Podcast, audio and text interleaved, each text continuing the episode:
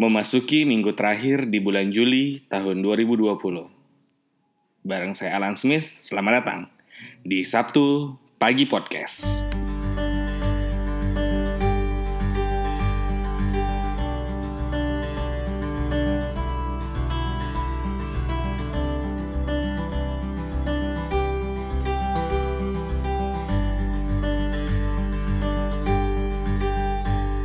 Episode kali ini ngomongin nggak ngomongin sih ini lebih kayak quick.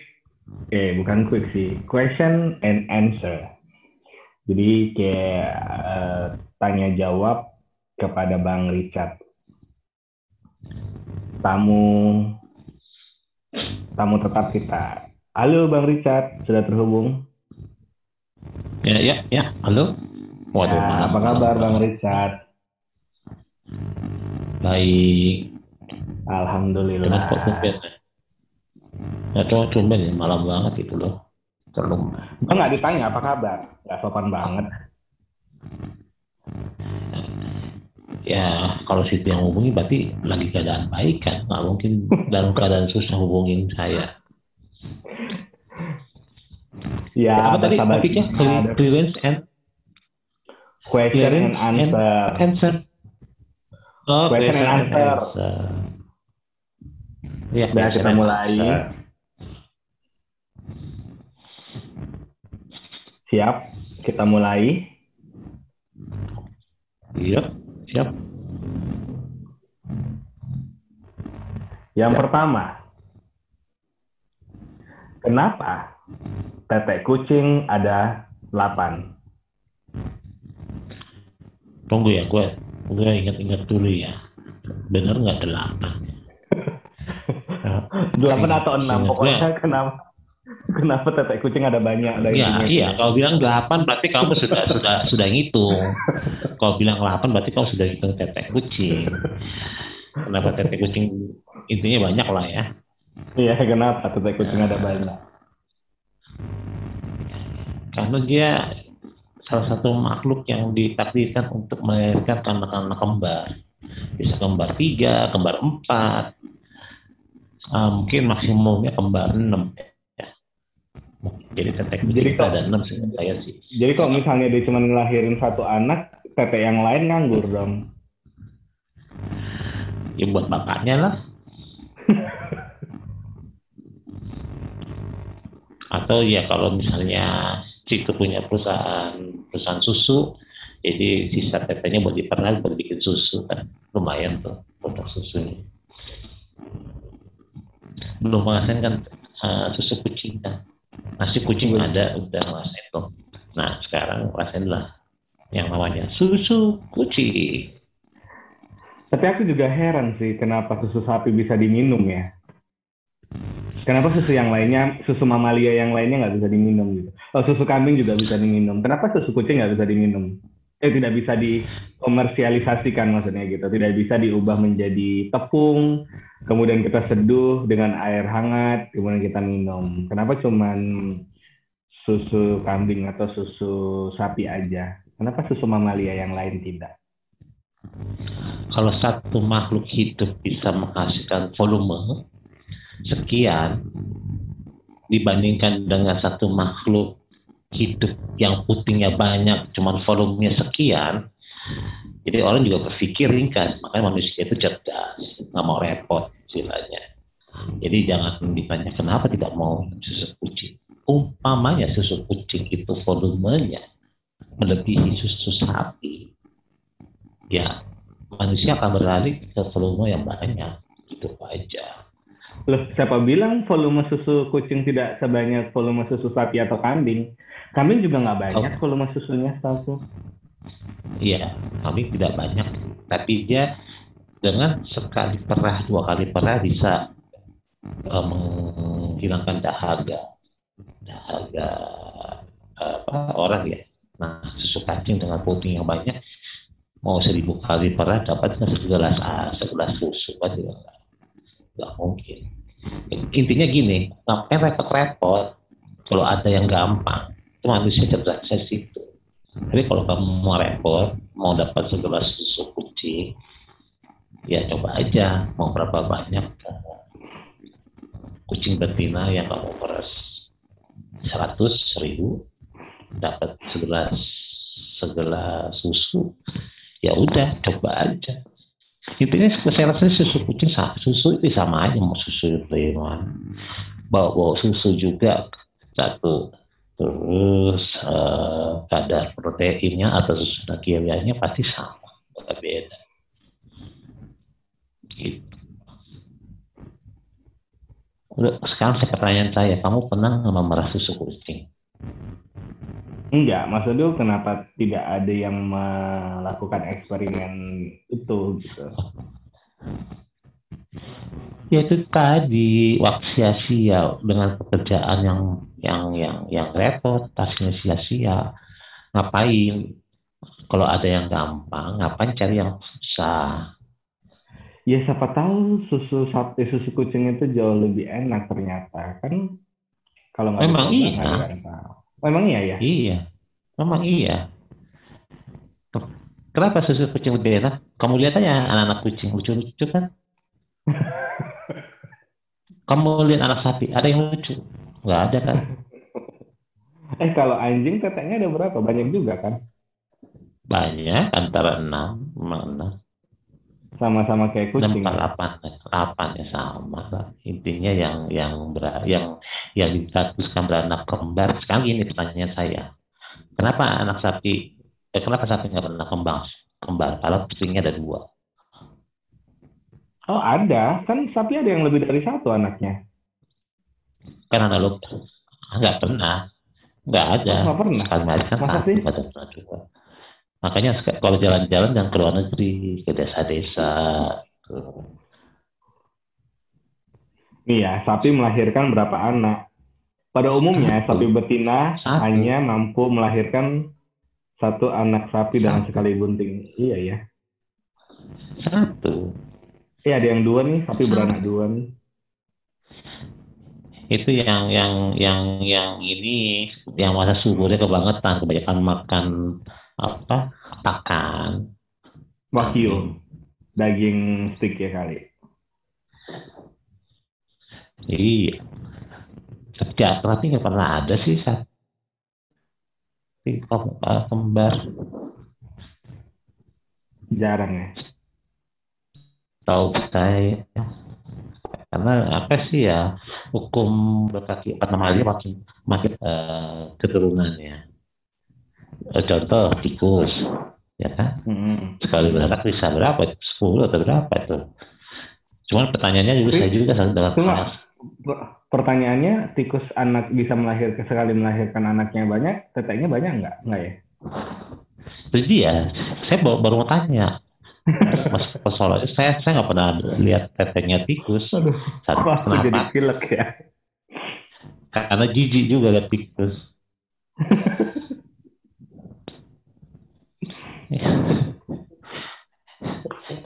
ada nggak pertanyaan yang ini yang yang yang ini eh ini ilmiah sih memang. Ilmiah iya loh ini. Nah, nah, cuman dibungkus di, dengan dibungkus dengan kepolosan uh, manusia. Menanya dan penjawab oke okay, next pertanyaan kedua. Uh, dirimu kalau tidur uh, prefer pakai daleman atau enggak? Uh, uh, masa-masa dulu sih uh, uh, lengkap pakaian lengkap gitu loh masuk tempat tidur langsung mau itu kotor atau bersih biasanya kan uh, dalam satu keluarga ada tuh ya ada ada ada yang terbiasa dengan mengenakan pakaian tidur gitu kan. Saya nggak, saya nggak nanya terbiasa atau gimana Enggak. sejak. Cuman saya mau nanya. Kalau bilang kan prefer, prefer, lebih su prefer, itu lebih suka, lebih condong ya. ke mana? Ya kan kita kan uh, uh, tidur itu bukannya hari ini ya doang kan dari dari kita lahir kita sudah mengalami tidur. Jadi proses enak tidur aku, itu kan dari kecil sampai sampai sekarang. Jadi saya harus ceritakan dulu proses tidur saya waktu masih kecil dong. Kalau dulu ya. Enggak, ya, aku cuma nanya preferensi aja, kesukaan, preferensi. Cuman itu aja sih, lebih suka mana? Tidur pakai daleman atau enggak? Kalau iya, kalau dulu saya pakai lengkap. Kalau sekarang sekarang ya Hmm. tidak pakai lengkap ya karena lebih lebih banyak ya tapi tetap bagian atas harus ada pakaian bagian bawah ya ya bagian da- eh, pa- pakai dalam aja tuh Enggak pakai daleman atau enggak? pakai dalam dalaman aja tidak lagi dengan pakaian yang yama atau celana pendek atau celana panjang dalaman aja Pakai pakai da- pakai daleman doang. iya. Emang penting ya pertanyaan ini ya Penting karena itu mempengaruhi tingkat kesuburan seorang seseorang gitu. oh Karena biar Oh. lebih leluasa, biar lebih oh lebih, le- lebih memberikan ruang space untuk bernafas. Katanya segitu. buat siapa yang bernapas buat buat siapa yang bernapas ya memang sih kalau hidung ya iya kalau hidung lu pakai pakai pakai di, dikenakan dengan pakaian ya susah bernapasnya hidung. Tapi kalau selama ini hidung nggak nggak nggak nggak kena fashion pakaian ya jadi nggak tertutup. Tapi untuk sekarang ini ya wajib sih pakai masker. Nih, Kalau dilansir dari Duh kok aku jadi pilek ya? Kenapa nih? Nah, dilansir dilansir dari halodoc.com. Sudah banyak penelitian yang mendukung klaim bahwa tidur tanpa menggunakan celana dalam dapat menghasilkan kualitas tidur yang lebih baik. Berikut manfaat dari tidur tanpa mengenakan celana dalam yang perlu kamu ketahui. Yang pertama, meningkatkan kualitas tidur. Yang kedua, Hmm. Mencegah gangguan tidur. Yang ketiga, meningkatkan kualitas sperma. Yang keempat, menjaga berat badan ideal. Yang kelima, mengurangi stres. Dan yang terakhir, menciptakan hormon anti penuaan. Gitu katanya. sorry ya eh, tidur itu kan ya identik dengan eh, wadah ya Ah, tidur kok wadah? wadahnya identik eh, harus harus eh, apa berbanding lurus dengan wadahnya dia dia dia mana tidur. Jadi umpamanya pun dia dia em, eh, di- mengikuti saran eh, eh, hasil penelitian tidur dengan yang dimaksud. Tapi wadah tidurnya itu batu kerikil gimana meningkatkan kualitas tidur ya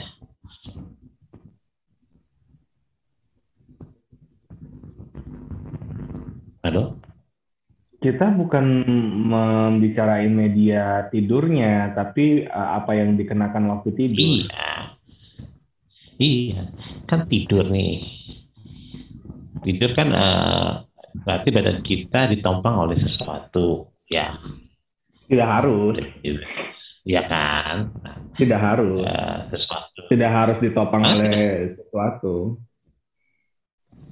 Oh, Anda tidur melayang-layang di udara, Anda tidur dengan kedua kaki Anda, atau Anda tidur dengan kedua tangan Anda. Yang namanya ditopang, berarti kan ada sesuatu benda yang mengganjal kan? Iya, iya sesuatu benda yang menahan, yang yang eh, menahan tubuh kita untuk saat tidur. Karena tidur itu eh, sebetulnya kita tidak dalam keadaan sadar diri, ya kan? Jadi kekuatan. Ya kalau misalnya di lantai, Ah, itu dia saya bilang. Eh, jadi kan be- eh, tidur dengan pakaian atau tidak berpakaian kan itu tadi. Nah, ketika tidur yang dimaksud tidak standarnya orang ilmiah yang dimaksud ketika wadahnya di batu kerikil atau di lantai itu gimana? Apa bisa sama orang dengan eh, tidur di, di kasur aja ada standarnya eh, kasur kapuk, kasur bekas, kasur dakon. Menurut saya sih orang standar tidur nyaman itu bukan dari dari dari preparing eh, eh, badan dia pakai apa atau tidak pakai apa sih.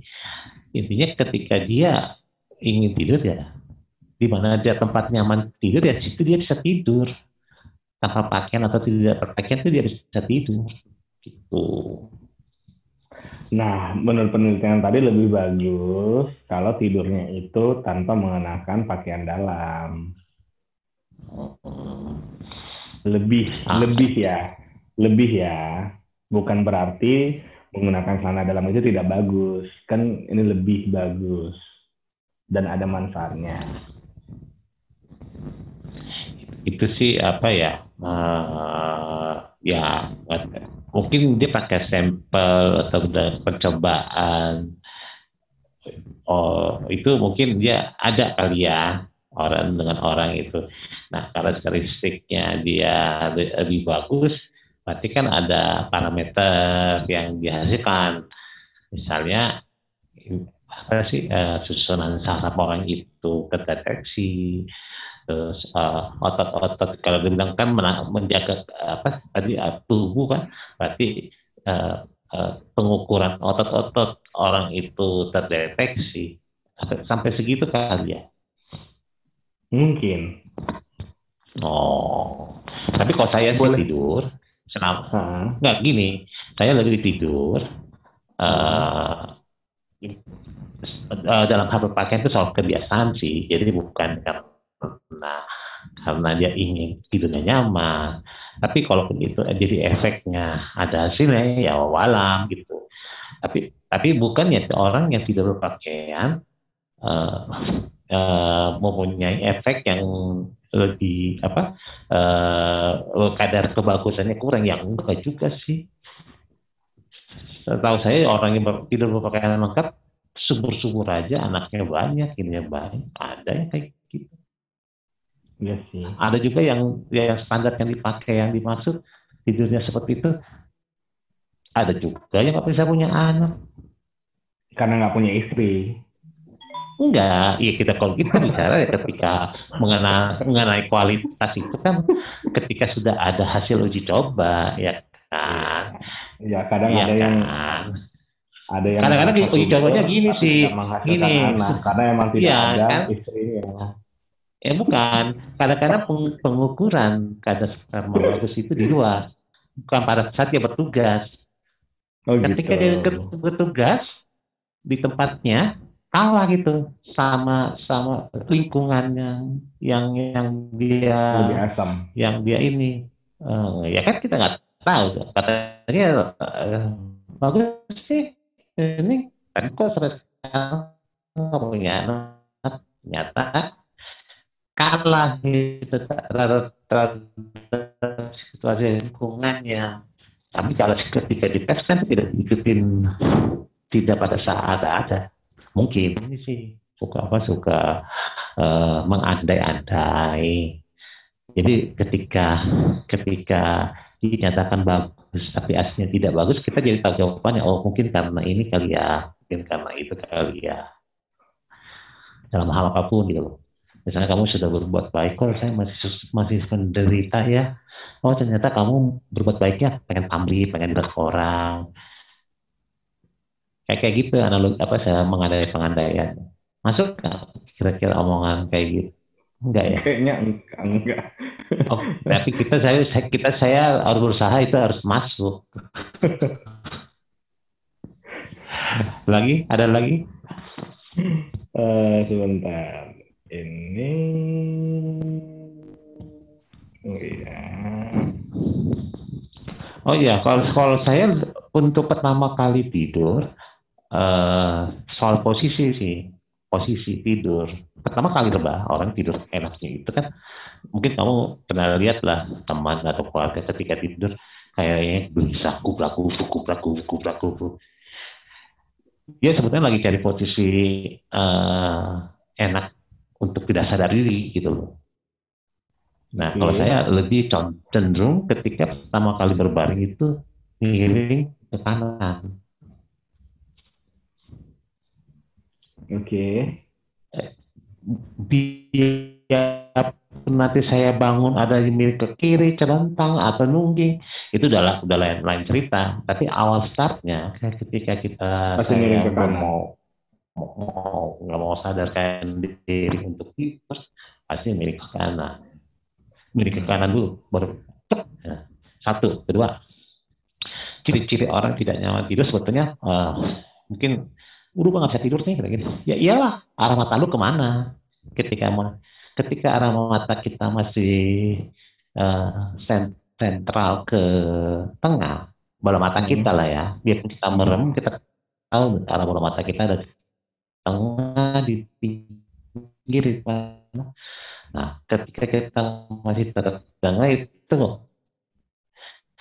sampai tua juga nggak bakal bisa tidur gitu loh karena karena keseruan melek di tengah gitu mulai rasa tidur mungkin kamu perhatiin lah entah aja lebih condong ke pojok kiri atas gitu loh jadi kalau kalau mata kita diberikan sih. Ya, jadi kalau ke mata kita dicelakan itu orang tidur pasti yang kelihatan kan putih-putihnya kan ya. Bo- Iya eh, retina Ya, bola. Hitamnya le- lebih condong ke atas kiri ya. Nah itu dia. Ketika kita udah mulai merasa tidur pasti gitu. Bola mata kita tuh akan lari ke ke pojok kiri ke pojok kanan ke pojok kiri. Intinya gitu. Tapi- jadi kalau selama tapi- dia masih ada di tengah. Halo Iya, tapi saya nggak bisa tidur kalau misalnya ada teman tidur saya itu ngorok dia sih. Eh, itu sih nggak juga Karena aku Ya. itu tidur itu dalam posisi hening gitu sih, nggak bisa dalam keributan. bukannya eh, eh, karena dia eh, lebih fokusnya ke lebih berbanding fokus. Mata kita udah mau turun ke mana nih? Eh, pakai apa apa apa, da- apa tidak pakai apa tapi lebih ke posisi tidur sih. Oh, gitu. mau di mana pun tempatnya ketika awal mau tidur entah di lantai di kasur di tikar lebih eh, lebih nyaman lebih lebih enak mulai tidur itu jatuh tidurnya itu di pas posisi miring ke kanan Hmm. Iya sih, Gitu. dia, dian- dianjurkan juga seperti itu karena kondisi jantung kita ada di sebelah kiri. oh gitu Hmm. tapi ada juga eh, eh, kok- ada juga eh, second opinion ketika awal start tidur telentang dengan posisi bantal itu ada di bukan di kepala ya lebih ke mendekati pundak. Hmm. itu Eh, jadi eh, eh, terus eh, tangan itu harus di atas kepala. Itu lebih kayak kalau buat saya itu lebih enak buat buat buat mulai tidur. Gitu. dalam dalam ini enak itu enak itu nyambung gitu. Kayak kayak apa ya Itu masalah kebiasaan juga kali ya. Kalau misalnya nggak biasa juga nggak Eh, bikin bisa jadi juga, bisa kali. juga bisa juga kebiasaan bisa juga eh, tubuh kita loh yang yang yang ngebaca ketika kita harus eh, apa harus bagaimana tubuh kita yang kasih tahu gitu loh oh iya iya. kita kan malah kan feel kita kan oh iya enak ya tidur kayak gini ya ya terus keterusan jadinya gitu loh ket- ketika Hmm. kita tadi awal tidurnya eh, nggak bisa tidur karena terlentang terus dengan dengan posisi ya kayak kayak tentara tegap begitu. Nggak bisa bisa terus kita ketika kita eh, berubah posisi dengan bisa telentang dengan tangan di atas kok, kok jadi lebih enak bisa tidur? Ya ya, ya keterusan jadinya. Biarpun nanti bangunnya udah berubah posisi nggak masalah kan? Ini berubah posisi tidak membuat eh, kita jadi terjaga dari tidur nggak juga. Gitu. Intinya awalnya lah awalnya pertama saat tidur itu setiap orang beda-beda. Oh, ada yang lebih suka lu baca doa dulu baru tidur. Kalau nggak baca nggak nggak baca doa nggak tidur tidur. Ada. Itu Baik, kita lanjut pertanyaan berikutnya ya yang ketiga yaitu kenapa jarak bisa menciptakan rindu? jarak menciptakan rindu. Eh, jarak menciptakan rindu. Oke. Ketika ada dua pohon yang jaraknya berjauhan, apakah pohon itu rindu atau gini? Ketika ada dua rumah jaraknya berjauhan, apakah rumah itu rindu? Mungkin Nggak tahu. ya rindu. Pernah, nggak nggak pernah jadi Mungkin rumah. rindu ya karena karena karena ketika dia berjauhan, eh sini dong, ah nggak bisa nih gue, gue harus di sini.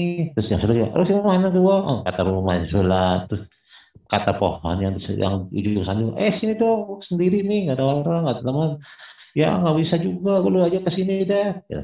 nah, itu kali yang menyebabkan rindu ya Ternyata Bang Richard ini punya kemampuan bisa berbicara terhadap pohon dan rumah ya.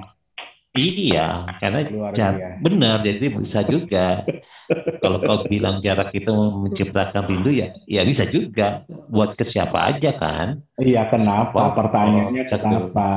ya itu karena nggak bisa nggak bisa ke mana-mana karena ada jarak. Misalnya ya saya bilang tadi ada pohon sebelah sana. Berjarak dengan pohon si, si B sebelah sana. Dan pohon si A sebelah sana ngomong ini eh sini dong gue sendiri nih nggak ada aduh gue juga nggak bisa ke sini nah ya sama-sama saling mengingat timbulnya kan rindu. Ya memang benar jarak itu bisa menimbulkan rindu karena eh, ketidakmampuan untuk menyambangi, menghampiri, eh, apa apalagi mendekati dan tidak sesenti pun kalau nggak bisa ya timbulnya rindu. Masuk akal nggak ya keterangannya? Enggak. Enggak. Enggak juga ya, berarti Nggak dapat. cuma kamu ajak saya ngomong. Enggak dapat Cuma kamu ajak saya ngomong. Ya, masa nggak dapet? Enggak. Kan jarak nih jarak kan berarti ada selisih antara kan Rumus jarak apa sih rumus jarak terhadap apa nih Rumus jarak. terhadap waktu tinggal dibagi aja berapa ke- kecepatan rata-rata namanya kalau jarak terhadap Iya. waktu namanya Rumus- kecepatan Rumus rata-rata jarak. S. Waktu sama kecepatan. Iya kan berarti ada ada waktu kan jarak berarti uh, kenapa bisa rindu aduh waktu gua nggak ada nih dia terhambat lah untuk untuk untuk mempersempit jarak itu kan. Ya timbulnya rindu. Nah. bisa. Untuk menentukan sebuah jarak, kamu dapat menggunakan rumus jarak, yaitu S sama dengan T kali V, di mana S itu jarak dalam kilometer, T waktu tempuh itu dalam waktu. jam, eh, V kecepatan kilometer per jam. Jadi kalau mau Ah. mengetahui jarak berarti waktu tempuh dikali kecepatan. Pertanyaannya, iya kenapa T kali V itu bisa menciptakan rindu? P kali V Iya. P T waktu kali waktu tempuh sama kecepatan itu bisa menimbulkan terciptanya rindu. Eh, karena ini ya eh, apa ya eh, dia berusaha eh, itulah karena manusia itu terbatas ada oleh ruang dan waktu Hmm. eh, umpamanya kamu malaikat atau berarti nggak punya kerinduan ketika manusia ini kita bicara soal manusia ya ketika eh, waktu dan kecepatan itu eh, eh, apa makin makin makin lama waktu yang di itu. Jadi pengen nyampainya tuh agak lambat gitu. Jadi ketika ingin mencapai sesuatu karena waktu waktu yang diperlukannya itu panjang ya ya gitu ujung-ujungnya bisa bisa rindu bisa putus asa juga bisa sih. Ada dua bukan rindu aja bisa putus asa juga di, di spread gitu loh. Jadi eh, tidak tidak tidak menghasilkan rindu aja. Bisa juga menghasilkan keputusasaan ketika ingin melakukan sesuatu eh, ketemu. Karena waktu yang dipakainya itu lama nggak habis-habis. Awalnya tidur lama-lama putus asa. Kan berdiri kan kasihan hmm. itu orangnya. Makanya sampai diperlukan uh, iya makanya diperlukan suatu alat yang bisa memudahkan memotong memangkas waktu yang diperlukan. Yaitu adalah untuk saat ini untuk saat ini ya mesin ya. Mesin apa pun. Cuman kita belum bisa uh, uh, untuk lebih mempersingkat lagi waktu yang dipakai untuk mencapai titik itu baru hanya dengan mesin itu aja sih. Makanya ketika kita mau pakai mesin mesin apa nih? Ya, mesin waktu? mesin sederhana. Apa itu? Nah, itu bisa bikin menimbulkan putus asa karena memerlukan waktu yang panjang untuk mencapai sesuatu itu kan. Atau kelamaan lama-lama putus asa. Nyampe nggak nih? Bisa nggak nih? Ya semangat hilang. Mati di tempat gitu kan. Nah jadi uh, menggunakan mesin yang lebih modern waktu yang ditempuh juga mungkin lebih singkat cuman rindu yang ada gitu kan. Rindunya kesampaian tapi yang apa lah yang penting yang penting uh, bisa tercapai gitu loh sampai ketemu mesin yang lebih lebih rumit lagi yang lebih canggih lagi. Yaitu? Itu mak ah, ah, jadi uh, rumus yang yang ditimbulkan itu nggak berlaku lagi. Oh nggak ada rindu. Eh, jarak itu nggak bikin rindu gitu kan? Jarak itu nggak bikin putus asa. Karena ada mesin yang membantu gitu loh. Yaitu? Ya yaitu ya apa aja yang canggih aja bisa yang yang mesinnya yang bergerak dengan dengan kecepatan tinggi dengan waktu tempuh yang pendek bisa apa aja gitu loh. Nggak mesin waktu ya itu apa ya itu apa gitu. Kadang-kadang juga kita juga bisa sih uh, uh, tanpa mesin. Jadi kadang-kadang kita eh, berhalusinasi, kita sudah di sana. Kita pejamkan mata dengan jarak ribuan kilometer, ternyata kita sudah sampai. Halusinasi. halusinasi ya. kita yang main. Jadi kau tidak perlu tidur lagi. Halo. Kau tidak tidak perlu lagi putus asa lagi. Nah itu. Tapi abang Richard sendiri percaya nggak sih sama mesin mesin waktu? Uh, Aduh, putus-putus. Uh, uh, selama ini sih oh, masih bisa. Uh, apa sih yang mungkin rumusnya? Rumus jelasannya ada kok gitu kan. Cuman memang sih ekses uh, dengan tubuh kita yang organik ini mampu nggak gitu loh itu aja sih persoalannya. Untuk mungkin untuk benda mati eh, tidak ada eh, persoalan perubahan struktural eh, eh, apa eh, atom atom benda mati mungkin tidak terlalu tidak terlalu berubah banyak. Tapi untuk untuk atom-atom eh, bio ya mungkin ada efek yang yang fatal gitu Siapa yang tahu kan? Atau sebetulnya sudah ada, cuma tidak bisa digunakan untuk makhluk hidup.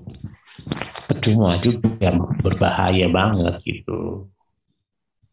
Uh, gampangnya gini lah, ketika uh, seorang seorang dengan dengan pesawat yang yang yang canggih dengan kecepatan 3 meter, 4 meter, uh, kalau boleh ditanya, dia merasa tubuhnya hancur lebur ketika melakukan itu.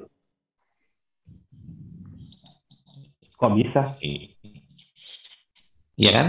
Karena melawan ini, melawan dan makhluk, melawan susunan tubuh itu gejolak ini pengaruh terhadap saat segala macam itu yang ini. Jadi jangan dianggap uh, ketika mungkin kalau nonton statik oh ya gampang enak kok itu dengan kecepatan cahaya itu nggak apa-apa itu hello tapi ya mungkin ketika ketika ditemukan ditemukan uh, suatu suatu ilmu melawan gaya kecepatan terhadap uh, dulu ya mungkin ya kalau statek itu lah nantinya.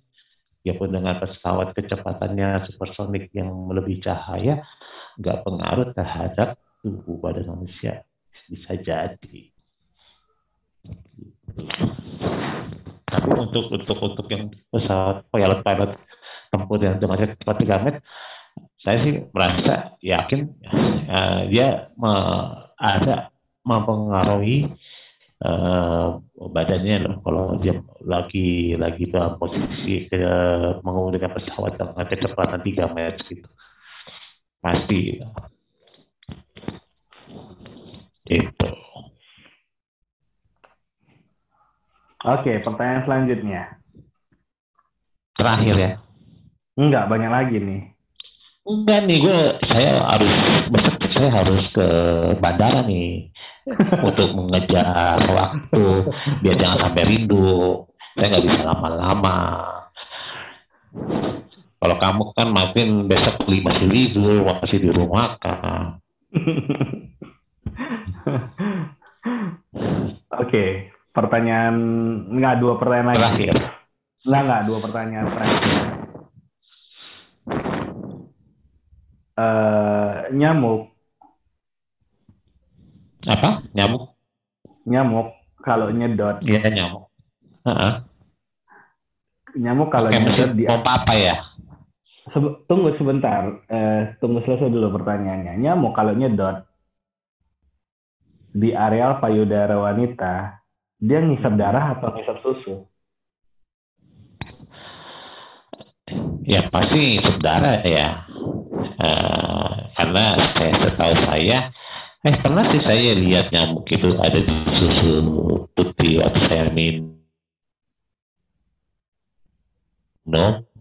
Tapi saya tidak tahu dia menyangka itu darah atau hanya genangan air ya.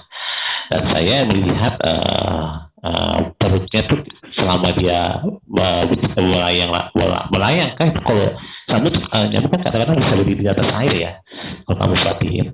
Walaupun dia berdiri di atas susu saya saya tidak melihat mulutnya gendut gitu loh. Kalau mulutnya gendut berarti kan dia minum susu kan. Nah ini enggak gitu loh. Jadi saya anggap dia waktu eplok di susu mungkin si si si nyamuk itu menganggap itu kumbangan air tempat dia untuk bertelur atau apa dia tetap tetap uh, isap darah bukan isap susu. Ada yang lain? Walaupun walaupun dia di areal susu.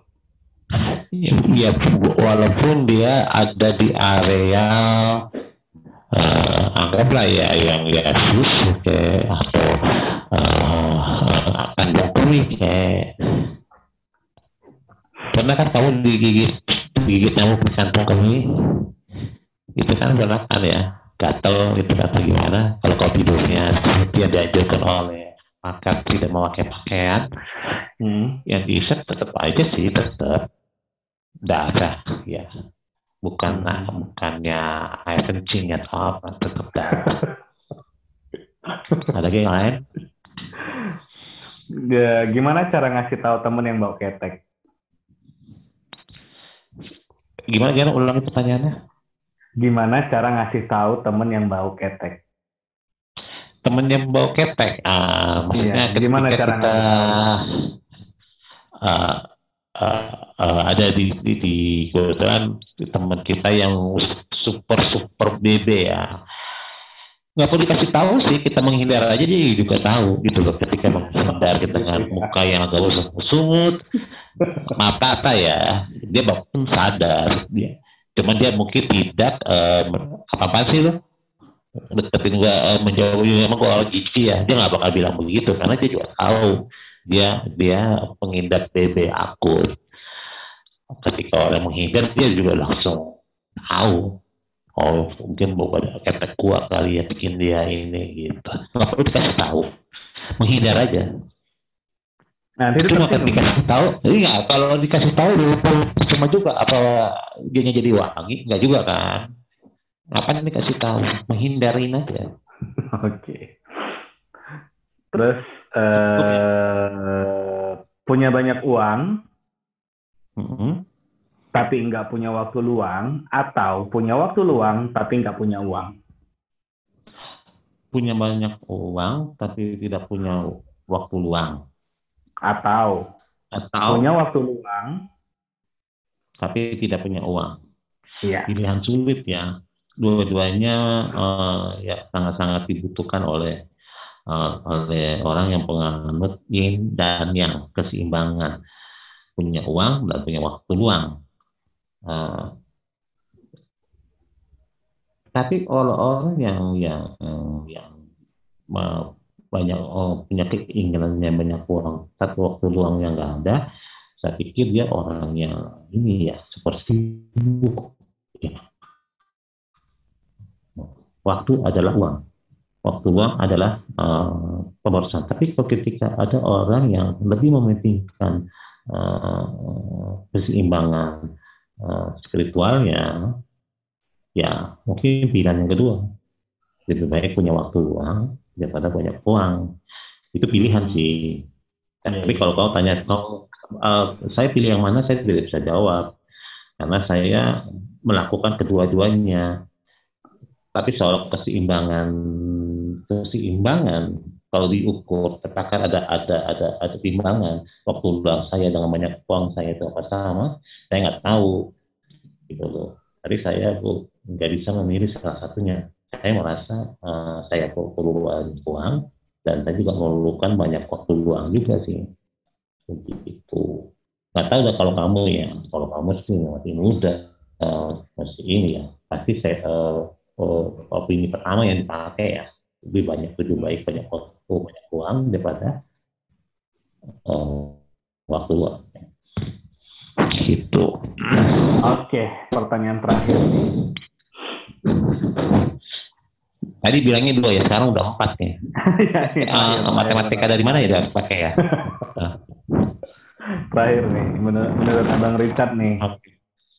Eh, pandangan Abang sendiri terhadap sosok, eh, terhadap sosok Alan Smith itu gimana?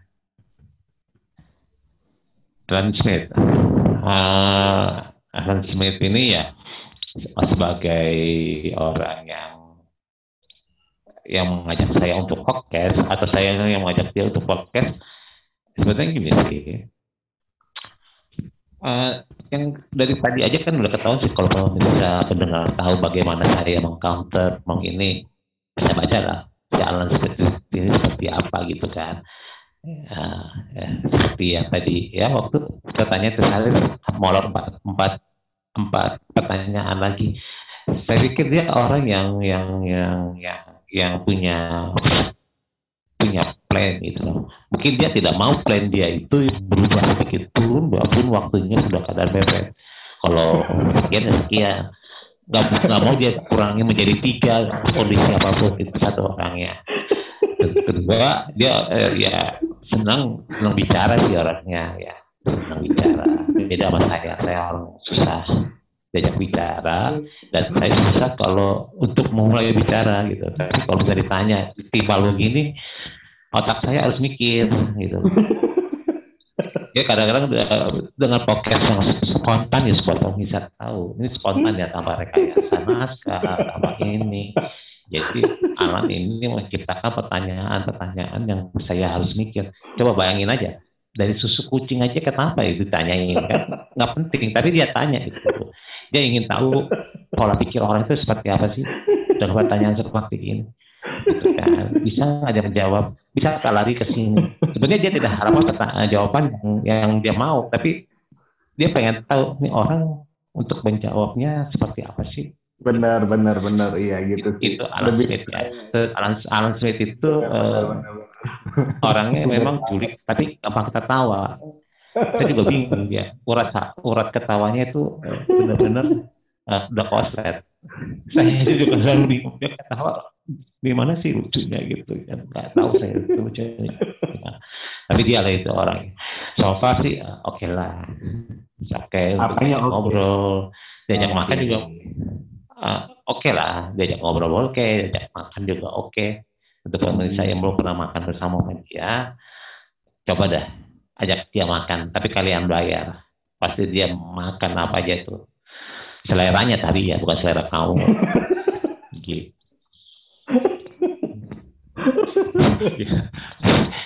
Jadi para pendengar podcast uh, selamat apa Sabtu, selamat pagi. Sabtu ya pagi.